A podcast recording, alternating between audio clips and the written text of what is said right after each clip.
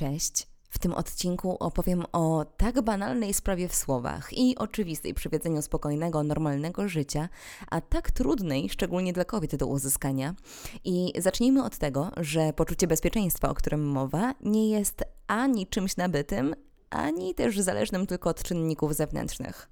Bo kiedy rodzi się maleńka istota, to w większości z nas budzą się instynkty opiekuńcze, chcące chronić ją przed każdym złem, ale też mamy poczucie, żeby zapewniać zaspokojenie potrzeb, takich jak karmienie albo czułości. I w kolejnych etapach życia już to maleństwo nie zawsze przeobraża się w postać wzbudzającą chęć obdarowania ją tymi czułościami i troską.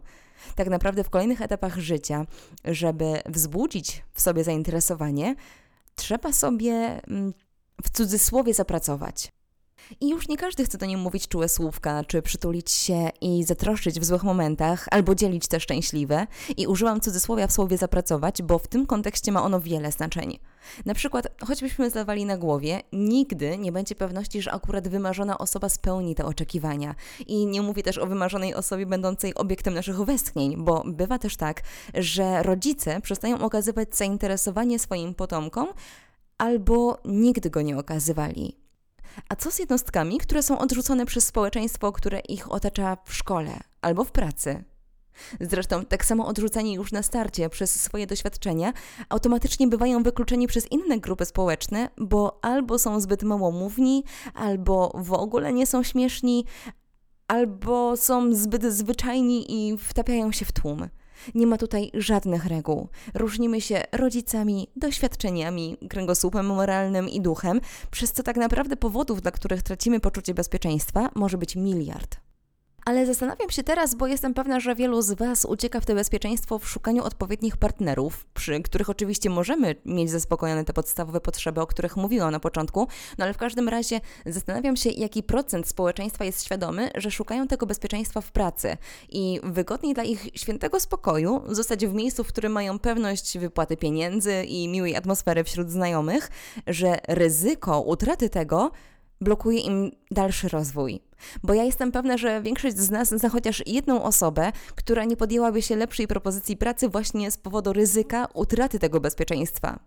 No właśnie, tylko czy to nie my sami nie powinniśmy czuć się bezpiecznie ze sobą, a ryzyko to nie jest skazanie na ścięcie głowy, a doświadczenie nowych rzeczy?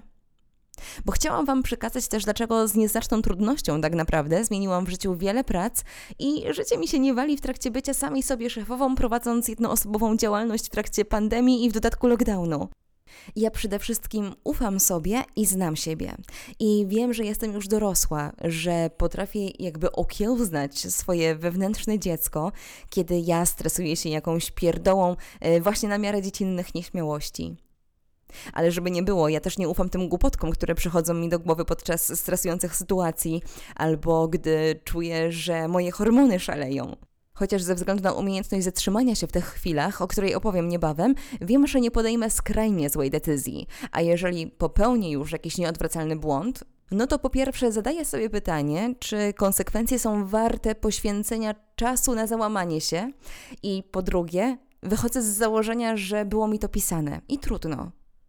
I w tej sytuacji pomaga mi też wiara, bo ja wierzę, że Bóg jest czujny i że wiedział, co robi, dając mi życie w obecnych czasach. I te myśli też dają mi nadzieję i szczerze robi to robotę, by czuć się spokojnie, ale te nadzieje tak naprawdę można uzyskać również z myślą, że to los tak pokierował różne sytuacje, że kiedy doprowadziły one do podjęcia złej decyzji, to nie pozostaje nic, jak to zaakceptować i wziąć za siebie odpowiedzialność.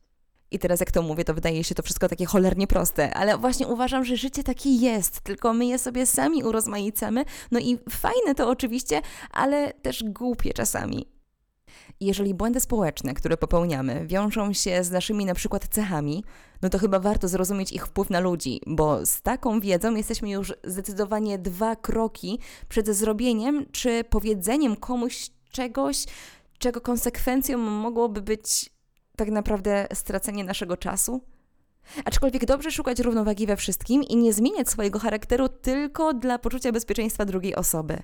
Bo zdarzyło się już w moim dorosłym życiu spotkać osobę, przy której czułam się świetnie i moglibyśmy być naprawdę dobrymi kumplami, ale brak wiecznego uśmiechu, kompletny brak udawania emocji i zachowań z mojej strony ale też drobne zwracanie uwagi na tyle mogło zatracić tej osobie dobre samopoczucie i może strach przed zobowiązaniem się do swoich czynów, że doprowadzało to tylko do toksycznych rozmów i totalnych nieporozumień, a one były jednak silniejsze niż dalsza chęć prób dogadania.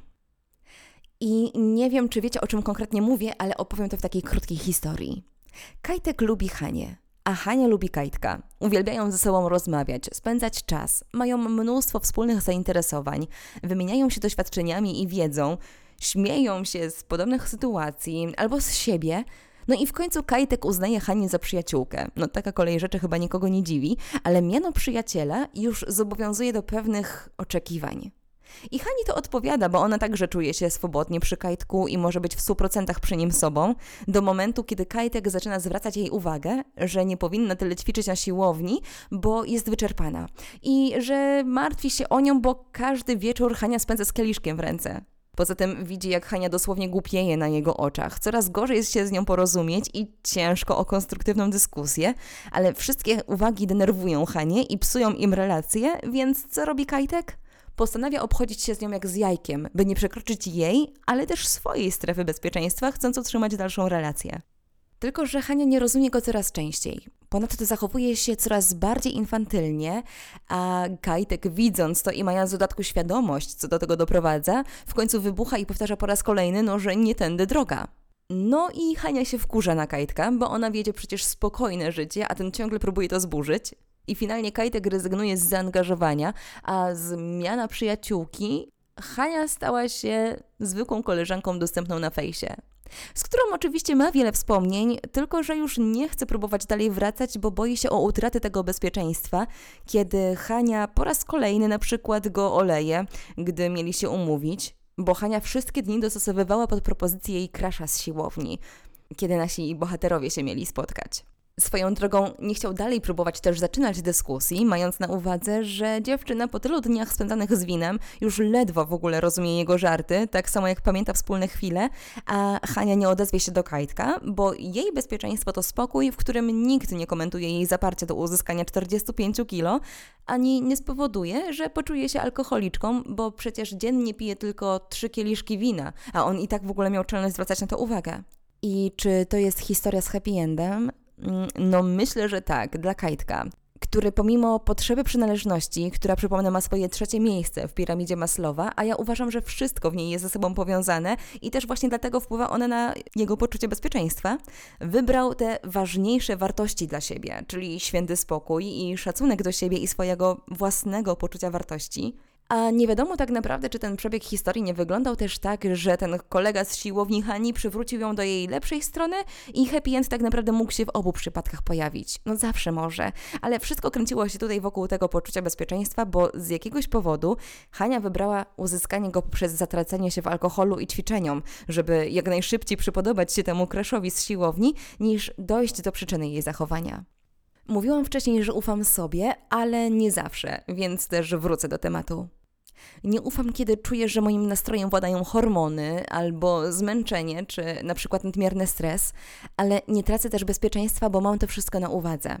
I od razu przykład, który zrozumieją kobiety, mi przychodzi do głowy. Kiedy próbowałam wypracować w sobie opanowanie PMS, będąc jeszcze nastolatką, to w trakcie tych napiętych sytuacji starałam się jak najwięcej analizować obecne we mnie myśli i chęci. No zresztą do dzisiaj to robię. No ale finalnie doszłam między innymi do tego, że w sytuacjach, w których jestem bardziej rozdrażniona, czyli ciągle mówimy o PMS, potrzebuję przede wszystkim spokoju i nieobciążających też emocjonalnie moją głowę czynności, czyli zero wojennych dramatów i wymagających dokumentów, ale też ograniczenie obowiązków do absolutnego minimum i spełnienie swoich zachcianek. I gdybym była robotem, to chciałabym tak się zaprogramować, że podczas tych najbardziej wpływających na mój nastrój dni, na które przecież no nie mam wpływu, za każdym razem się zatrzymuję i spełniam tylko swoje zapotrzebowania, oczywiście utrzymując zdrowy rozsądek. Ale że jestem tylko człowiekiem, w dodatku kobietą, to wachlarz różnych emocji jest mi doskonale znany i nawet rozsądek zdarza się nie uchronić przed głupim błędem. A nawiązując do tych niechcianych błędów, to opowiem Wam słowa, które przewracają mnie na ziemię, przy których jakiekolwiek lęki stają się naprawdę słabsze. Że na tym świecie, w obecnej chwili, jesteśmy tylko małym promilem wśród reszty ludzi. I to, czy żyjemy z partnerem, partnerką i wiedziemy spokojne życie, czy mamy wielkie firmy i stu zależnych od nas pracowników pod sobą, nie różni nas wcale w chęci poczucia tego bezpieczeństwa. No, chyba że za prowadzenie dużej firmy zabierze się niekompetentna osoba, którą odpowiedzialność za więcej niż tylko za siebie przerasta, ale to są już te kombinacje życiowe, o których mówiłam na początku. Nie wiem, po co utrudniać sobie życie i brać się za coś, gdzie wiemy, że to już nie będzie byle ryzyko, ale wystawienie się na minę tak jak podjęcie się pracy, której nie będziemy w stanie wykonać, ale motywuje nas zapewnienie sobie poczucia bezpieczeństwa, bo na koncie będzie wymarzona kwota. No ale też warto być świadomym, dlaczego w ogóle motywuje nas taka suma. Albo, że do tej pracy zachęcił nas ktoś, kogo nie chcemy zawieść, bo boimy się o swoje ego, że jeżeli po tej niezgodzie przestanie nam okazywać chęci do dalszej znajomości, no to będzie nam przykro. Tylko to są takie same absurdy życiowe, jak pójście na niechciane studia, ale to jedyne, na które się dostaliśmy. No ale na cholerę. Jeżeli znasz siebie na tyle, aby móc określić, co sprawia ci przyjemność, a co ci ją z życia zabiera, to jak masz się czuć bezpiecznie, świadomie robiąc sobie na przekór? Wrócę do tych przykładów. Jeżeli jesteś w pracy, w której wiesz, że zarabiasz za mało, ale znajomi przynajmniej zapewniają ci przyjemną atmosferę, to tylko ty będziesz znać odpowiedź na to, czy poczucie bezpieczeństwa da ci większy zarobek, czy on jest aktualnie na tyle wystarczający, bo praca z tymi ludźmi jest dla ciebie priorytetem i podstawą do tego poczucia. Także tylko my wiemy, co jest dla nas najlepsze. Podczas dylematów kręgosłup moralny mi także daje poczucie bezpieczeństwa, bo w wielu sytuacjach, kiedy los mnie kusił do złych decyzji lub było trzeba podjąć właśnie trudną decyzję związaną z jakąś ciężkostrawną konsekwencją, opieram się właśnie też na tych ważnych dla mnie wartościach, cnotach, co nie wprawia mnie później w wyrzuty sumienia. I oczywiście pamiętajmy, że świat nie jest czarno-biały i warto mieć świadomość, że nasze wartości niekoniecznie są wyznawane przez innych, ale to tak na marginesie. Wrócę jeszcze do tych myśli, które sprowadzają mnie na ziemię, bo tak jak zaczęłam mówić wcześniej, jesteśmy malutcy i nasze wybory mają małe znaczenie w skali planety, a co dopiero całego wszechświata. I odpowiedzialni jesteśmy za tę osobę, do której została przypisana nasza dusza, że tak się zwrócę, zostając trochę w klimacie. Uważam, że zarówno z losem, tak jak z cierpieniem i śmiercią należy się śmiało pogodzić, bo i tak na większość rzeczy nie mamy wpływu, a to tylko część naszego małego żyćka w tej nieskończenie wielkiej przestrzeni. I dlatego samo ryzyko nie brzmi dla mnie jak możliwość utraty poczucia tego bezpieczeństwa, bo nie wiedząc jak długo jeszcze potrwa to życie, ja nie chcę go marnować. I w poprzednim podcaście mówiłam też o swojej jakby fobii, że kiedy tracę czas dosłownie na totalnie nieznaczne czynności, to od razu popadam w depresyjny nastrój, a ja nie chcę dawać na to przyzwolenia.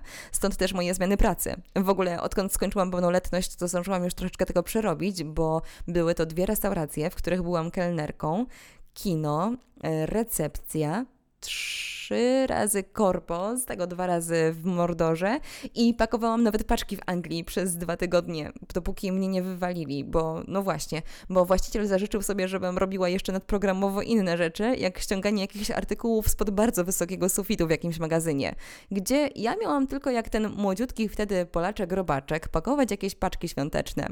No więc oczywiście nie zrobiłam wbrew sobie, przez co na drugi dzień dostałam SMS-a, że mnie proszą, żeby już tam nie przychodzić.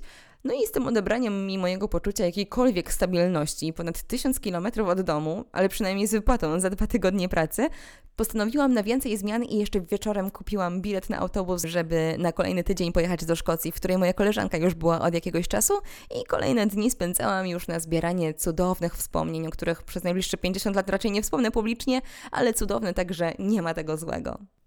W każdym razie, wyobraźcie sobie Ziemię z oddali i pomyślcie, że znajduje się na niej niecałe 8 miliardów ludzi. I takie moje wspomnienia mają dla ludzkości niewielkie znaczenie, tak samo jak wasze ryzyko. Za chwilę nawet nie będzie po nas śladu. Swoją drogą powtarzam teraz i powtarzam słowo ryzyko, a mało podkreślam przy tym znajomość siebie, a jedno z drugim naprawdę ze sobą świetnie współpracują, bo konstruktywnie. Obserwuję często wśród znanych już mi też ludzi podjęcie się takiego ryzyka, żeby pójść do łóżka z osobą, która się podoba, ale tak wiecie, tak dla poczucia bezpieczeństwa, żeby nie było, że osoba, którą oni darzą jakimś uczuciem, nie jest nimi zainteresowana, mimo świadomości oczywiście, że może tak być, że może wcale nie być zainteresowana, bo może jej chodzić tylko o chwilową rozrywkę, a tym bardziej jeżeli ma partnera. No i nagle z tego ryzyka, właśnie w imię tego w cudzysłowie bezpieczeństwa, bo ona, on tak im się podoba i tak bardzo tego kogoś podziwiają, bo przecież raz się żyje, jesteśmy tutaj tylko na chwilę i tak dalej, i tak dalej. Oddają całych siebie i potem zamiast te chwile z życia dalej brać garściami, wielu popada w okrutną deprechę i chorobowy brak poczucia w ogóle własnej wartości, a także w kompletny brak nadziei, tracąc totalnie mnóstwo czasu na te stany tylko dlatego, bo sami ze sobą nie czują się wystarczająco dobrze, bezpiecznie, a tak było dla nich szybciej, choć przez chwilę poczuć się inaczej. I tutaj te twarde zasady w kręgosłupie moralnym są podstawą do bezpiecznego ze sobą życia w zgodzie ze sobą i unikając rozczarowań swoim zachowaniem. Swoją drogą, wiadomo, że poczucie bezpieczeństwa daje też partner. Mi również i wiem, że swojemu chłopakowi mogę ufać przede wszystkim w tym, że mnie nie zawiedzie w najważniejszych dla mnie sprawach, ale wiem też, że mogę z nim planować rodzinę, że jest odpowiedzialny i nie muszę bać się o to, że jego obecność może mnie doprowadzić do braku poczucia wartości albo motywacji. Jednak gdyby któraś z tych rzeczy była wątpliwa, to ja nie wiem, czy chciałabym poświęcać dalej czas i ryzykować. A kolejne postacie, które dają mi również poczucie bezpieczeństwa, to politycy i ludzie, którzy kierują się w życiu podobnymi wartościami, bo wiem, że nie jestem sama w swoich przekonaniach, światopoglądzie i sama o ważne dla mnie wartości nie walczę. I rozmawiając, czytając artykuły, czy Słuchając wywiadów z takimi właśnie ludźmi, którzy w merytoryczny sposób potrafią przemówić rozsądnym według mnie głosem, sprawia takie ciepło na sercu, zdając sobie sprawę, że mam swoich mądrych przedstawicieli i że jest jakaś grupa ludzi, która myśli tak samo lub podobnie. Tak naprawdę każdy z tych wymienionych przykładów mogłabym rozłożyć jeszcze bardziej na czynniki pierwsze, więc sam temat może już nie wróci, ale parę myśli jeszcze rozwinę w jakichś podcastach. A tymczasem skończyła mi się kawa, więc może Wam i również, także do usłyszenia przy następnej. Cześć!